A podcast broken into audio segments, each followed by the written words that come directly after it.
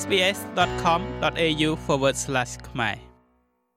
តើការคลายទៅជាមនុស្សពេញវ័យមានន័យយ៉ាងណានៅក្នុងជីវិតជាក់ស្ដែងរាប់ចាប់ពីការឈានដល់អាយុស្របច្បាប់ដែលអាចទទួលបាននៅប្រាក់សន្តិសុខសង្គមនិងការមកដល់នៅសញ្ញាសម្គាល់ពីអាយុកាលក្នុងឆាកជីវិតភាពពេញវ័យអាចនាំមកនូវការផ្លាស់ប្ដូរយ៉ាងសំខាន់ តាមច្បាប់ប្រជាជនអូស្ត្រាលីត្រូវបានគេចាត់ទុកថាជាមនុស្សពេញវ័យនៅអាយុ18ឆ្នាំមេធាវីជាន់ខ្ពស់នៃច្បាប់យុវជនអូស្ត្រាលីលោកស្រី Kate Richardson គូសបញ្ជាក់អំពីការផ្លាស់ប្ដូរដែលកើតឡើងនៅក្នុងវ័យនោះទៅតាមលក្ខខណ្ឌនៃផ្លូវច្បាប់ across Australia turning 18នៅទូទាំងប្រទេសអូស្ត្រាលីអាយុ18ឆ្នាំនឹងក្លាយទៅជាមនុស្សពេញវ័យដែលពិតជាមានន័យថាឪពុកម្ដាយឬអាណាព្យាបាលរបស់អ្នកលែងមានទំនួលខុសត្រូវនៅក្នុងការចិញ្ចឹមបីបាច់ចំពោះអ្នកតាមច្បាប់ទៀតហើយហើយក្នុងនាមជាមនុស្សពេញវ័យអ្នកមានឯករាជ្យភាពដូច្នេះមានន័យថាអ្នកទទួលខុសត្រូវលើខ្លួនឯងនិងអាកប្បកិរិយារបស់អ្នកខ្លួនឯង នៅទូទាំងប្រទេសអូស្ត្រាលីអាយុ18ឆ្នាំ គឺជាអាយុស្របច្បាប់សម្រាប់ការលេងល្បែងស៊ីសង និងទិញបារី វាក៏ជាអាយុស្របច្បាប់សម្រាប់ការទិញគ្រឿងស្រវឹងផងដែរប៉ុន្តែបទបញ្ញត្តិនៃការទទួលទានគ្រឿងស្រវឹងនៅទីកន្លែងឯកជនសម្រាប់មនុស្សអាយុក្រោម18ឆ្នាំ អាចខុសៗគ្នាអាស្រ័យទៅលើកន្លែងដែលអ្នករស់នៅ the legal age to buy or drink alcohol អាយុស្របច្បាប់នៅក្នុងការទិញឬក៏ទទួលទានគ្រឿងស្រវឹងនៅកន្លែងដែលមានអាជ្ញាប័ណ្ណគឺមានអាយុ18ឆ្នាំ ជាទូទៅវាគឺជារឿងខុសច្បាប់សម្រាប់អ្នកដែលមានអាយុក្រោម18ឆ្នាំសេពគ្រឿងស្រវឹងនៅកន្លែងឯកជនដូច្នេះវាអាចថានៅផ្ទះឬនៅផ្ទះអ្នកដទៃលុះត្រាតែគ្រឿងស្រវឹងនោះត្រូវបានផ្ដល់ដោយឪពុកម្ដាយឬអាណាព្យាបាល ឬអ្នកដែលទទួលបាននូវការអនុញ្ញាតពីឪពុកម្ដាយឬក៏អាណាព្យាបាលមានភាពខុសគ្នាបន្តិចបន្តួចនៅទូទាំងរដ្ឋនិងដែនដីផ្សេងផ្សេងគ្នាជាពិសេសអំពីការទទួលទានគ្រឿងស្រវឹងក្រោមការគ្រប់គ្រងរបស់មនុស្សពេញវ័យនៅកន្លែងឯកជនលោក Steven Roberts គឺជាសាស្ត្រាចារ្យផ្នែកអប់រំនិងយុត្តិធម៌សង្គមនៅសាកលវិទ្យាល័យ Monash ផ្នែកស្រាវជ្រាវមួយនៅក្នុងចំណោមផ្នែកស្រាវជ្រាវដែលលោកមានជំនាញនោះគឺការផ្លាស់ប្ដូររបស់មនុស្សវ័យក្មេងទៅកាន់ភាពពេញវ័យលោកនិយាយថាឪពុកម្ដាយដែលមានការព្រួយបារម្ភអំពីគ្រោះថ្នាក់នៃការសេពគ្រឿងស្រវឹងនឹងធ្វើបានល្អនៅក្នុងការអប់រំកូនកូនរបស់ពួកគេអំពីហានិភ័យនានាប៉ុន្តែវាក៏ត្រូវមានភាពប្រកបនិយមផងដែរ។ The key piece of advice I think is not to hammer too hard. ដំបូងមានដ៏សំខាន់មួយខ្ញុំគិតថាមិនត្រូវសកត់ធ្ងន់ខ្លាំងពេកទៅលើចំណុចនៃការហាមឃាត់នោះទេឧទាហរណ៍ការពិសាគ្រឿងស្រវឹងគឺត្រូវបានបញ្ចូលយ៉ាងជ្រាលជ្រៅនៅក្នុងវប្បធម៌អូស្ត្រាលីវាគឺជារឿងធម្មតាទៅហើយ ហើយវានឹងមិនសូវជាទំនងប៉ុន្មានទេចំពោះការរៀបរៀងការចូលរួមនៅក្នុងការអនុវត្តដែលត្រូវបានបង្កប់នៅក្នុងវប្បធម៌មួយ ជាពិសេសនៅពេលដែលយុវជនត្រូវបានអនុញ្ញាតឲ្យធ្វើវាបានដោយស្របច្បាប់សាស្ត្រាចារ្យ Roberts ស្នើឲ្យធ្វើជាគំរូល្អសម្រាប់កូនកូនរួមទាំងការសេពគ្រឿងស្រវឹងប្រកបដោយទំនួលខុសត្រូវគឺជាវិធីមួយដែលឪពុកម្ដាយអាចប្រើប្រាស់បានដើម្បីគ្រប់គ្រងកូនកូនរបស់ពួកគេ ក្នុងពេលផ្លាស់ប្ដូរទៅជាមនុស្សពេញវ័យ។ So things like pacing themselves, getting the balance right and openly discussing ដូច្នេះអ្វីអ្វីដូចជាការធ្វើទៅតាមលបឿនរបស់ខ្លួនឯងទទួលបាននៅតុល្យភាពត្រឹមត្រូវក្នុងការពិភាក្សាដោយបើកចំហពីភាពរីករាយក៏ដូចជាផលវិបាកសង្គមនិងសុខភាពក៏ដូចជាការផឹកច្រើនជ្រុលជាដើមឪពុកម្ដាយក៏អាចចង់និយាយជាមួយកូនកូនរបស់ពួកគេអំពីការស្វែងរកមិត្តភ័ក្តិមើលគ្នាទៅវិញទៅមកនៅក្នុងក្រុមមិត្តភ័ក្តិរបស់ពួកគេ ដូច្នេះពួកគេអាចបណ្ដុះបណ្ដាលបទដ្ឋាននៃការគោរពនិងការយកចិត្តទុកដាក់ដល់ក្រុមមិត្តភ័ក្តិខ្ញុំគិតថាការសម្របសម្រួលនិងការយោគយល់ហើយការប្រស្រ័យតាក់ទងគ្នា គឺពិតជារឿងសំខាន់ដែលត្រូវអនុវត្តនៅចំណុចដ៏សំខាន់នេះកុមារម្នាក់ដែលឈានដល់អាយុពេញវ័យអាចប៉ះពាល់ដល់សិទ្ធិទទួលបាននៅអត្ថប្រយោជន៍សន្តិសុខសង្គមរបស់គ្រួសារលោក Hank Jogan គឺជាអ្នកគ្រប់គ្រងទូទៅនៃសេវាកម្មអូស្ត្រាលីឬហៅថា Services Australia ផ្ដល់ឧទាហរណ៍នៃអត្ថប្រយោជន៍ Family Tax Benefit ដែលជាប្រាក់ជំនួយដែលមានពីរផ្នែកដែលជួយដល់ឪពុកម្ដាយនៅក្នុងការចំណាយលើការចិញ្ចឹមកូនកូន Part A is a payment for each child until ផ្នែក A គឺប្រាក់ជំនួយសម្រាប់កូនម្នាក់ម្នាក់រហូតដល់ពួកគេបញ្ចប់ថ្នាក់ទី12ឬក៏ថ្នាក់សិក្សាដែលសមមូលគ្នានោះផ្នែកមួយទៀតនៃប្រាក់ជំនួយនោះគឺអត្ថប្រយោជន៍ Family Tax Benefit Part B ដែលជាប្រាក់ជំនួយសម្រាប់គ្រួសារទាំងមូលហើយជាទូទៅសិទ្ធិទទួលបានប្រាក់ជំនួយនោះត្រូវបានកំណត់ដោយកូនពៅដែលមានអាយុតិចជាងគេ ទោះជាយ៉ាងណាក៏ដោយវាពិតជាអាស្រ័យទៅលើស្ថានភាពគ្រួសារនីមួយៗតើផ្នែក A និងផ្នែក B នឹងបន្តបានយូរប៉ុណ្ណាប៉ុន្តែវាត្រូវបានវាតម្លៃដាច់ដោយឡែកពីគ្នាការផ្លាស់ប្ដូរត្រង់ត្រង់នៅពេលដែលបុគ្គលម្នាក់មានអាយុ18ឆ្នាំនោះ គឺសិទ្ធនៅក្នុងការស្នើសុំជំនួយផ្នែកហិរញ្ញវត្ថុដោយខ្លួនឯង។ The key payment that's generally ប្រាក់ជំនួយសំខាន់សំខាន់ដែលជាទូទៅជួយដល់យុវជនដែលមានអាយុក្រោម24ឆ្នាំ គឺជាប្រាក់ឧបត្ថម្ភសម្រាប់យុវជនឬហៅថា Youth Allowance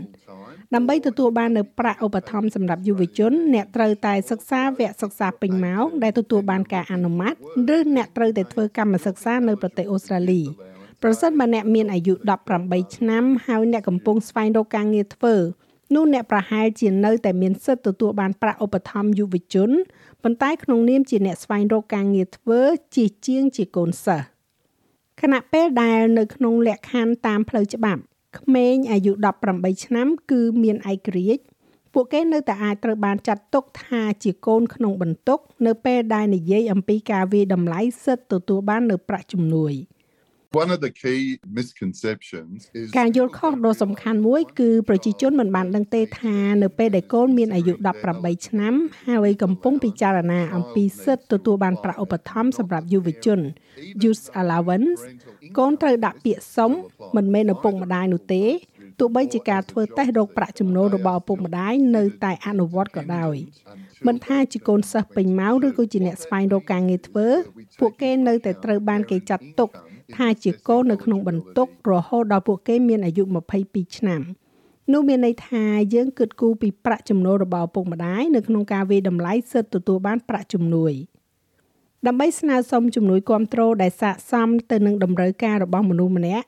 លោក Jogan ណែនាំដល់មនុស្សវ័យជំទង់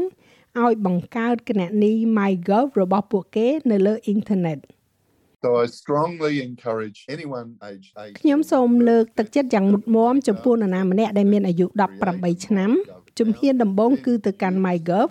ជំហានទី2គឺបង្កើតគណនី MyGov ហើយបន្ទាប់មកប្រើប្រាស់ព័ត៌មាននោះដើម្បីដឹកនាំអ្នកឆ្ពោះទៅរកកន្លែងដ៏ល្អបំផុតដើម្បីស្នើសុំការទាមទារដែលអ្នកអាចធ្វើបាននៅលើអ៊ីនធឺណិត ប្រសិនបើភាសាអង់គ្លេសគឺជាភាសាទី2របស់អ្នកហើយអ្នកត្រូវការជំនួយខ្លះៗអ្នកអាចទូរស័ព្ទមកយើងតាមរយៈលេខ131202វាជាសេវាកម្មអ្នកបកប្រែដោយឥតគិតថ្លៃដែលមានជាង200ភាសាយោងទៅតាមសាស្ត្រាចារ្យ Roberts ការផ្លាស់ប្ដូរទៅកាន់ភាពពេញវ័យនៅក្នុងប្រទេសអូស្ត្រាលីគឺជាដំណើរការដែលធ្វើឡើងបណ្ដើបណ្ដើដោយពិចារណាទៅលើការផ្លាស់ប្ដូរបទដ្ឋានសង្គមនិងលក្ខខណ្ឌសេដ្ឋកិច្ច បើប្រៀបធៀបទៅនឹងមនុស្សជំនាន់មុន។ basically in short getting a full-time job ជាទូទៅការទទួលបាននូវការងារពេញម៉ោងការចាក់ចែងពីក្រុមគ្រួសារដើម្បីចាប់ផ្ដើមជីវិតរស់នៅដោយឯករាជ្យចាប់ផ្ដើមមានគ្រួសារផ្ទាល់ខ្លួននៅក្នុងរយៈពេល30ទៅ40ឆ្នាំចុងក្រោយនេះរឿងទាំងអស់នេះបានคล้ายទៅជារឿងធម្មតាសម្រាប់មនុស្សដែលមានអាយុ18ឆ្នាំហើយសម្រាប់បញ្ហានោះសំបីតែនៅអាយុ21ឆ្នាំក៏ដោយ ហើយនោះគឺជារឿងធម្មតាសម្រាប់ការសម្គាល់នៃភាពពេញវ័យនៅក្នុងសង្គមដែលសម្រេចបានជាមូលដ្ឋានភាគច្រើនជាងនេះគឺនៅអាយុ20ក្រាស់ឬក៏សូម្បីតែនៅអាយុ30ឆ្នាំប្លាយហើយចុងក្រោយខ្ញុំគិតថាវាសំខាន់នៅក្នុងការដែលបញ្ជាក់ថាមានយុវជនមួយចំនួន គឺច្រើនឡើងច្រើនឡើងដែលមិនត្រឹមតែពន្យាពេលដល់ការសម្រេចបាននៅចំណុចទាំងនេះទេប៉ុន្តែក៏មានការបដិសេធទាំងស្រុងផងដែរ។ លោកស្រី Richardson និយាយថាការចូលដល់វ័យ18ឆ្នាំគឺមិនចាំបាច់ថាត្រូវតែធ្វើនៅរឿងជាក់លាក់មួយចំនួនទៅតាមច្បាប់កំណត់នោះទេ Some examples include you don't ឧទាហរណ៍មួយចំនួនរួមមានអ្នកមិនចាំបាច់មានអាយុ18ឆ្នាំដើម្បីរួមភេទដើម្បីមានការងារធ្វើ មានគណនីធនាគារផ្ទាល់ខ្លួនយល់ព្រមទៅលើការព្យាបាលវិទ្យាសាស្ត្រ ចាក់ចេញពីសាលារៀនចាក់ចេញពីផ្ទះជាប់ទោសឧក្រិដ្ឋឬសូម្បីតែដើម្បីទទួលបាននៅដំបូន្មានផ្នែកច្បាប់ដោយឥតគិតថ្លៃដោយគ្មានឪពុកម្ដាយឬក៏អាណាព្យាបាលនោះទេនៅប្រទេសអូស្ត្រាលីមានលក្ខន្តិកៈមួយចំនួនដែលកំណត់អាយុដែលមនុស្សវ័យក្មេងអាចធ្វើនៅរឿងខ្លះៗបាននៅក្នុងករណីផ្សេងទៀតវាអាស្រ័យទៅលើសមត្ថភាពនិងស្ថានភាពដែលពួកគេកំពុងតែស្ថិតនៅ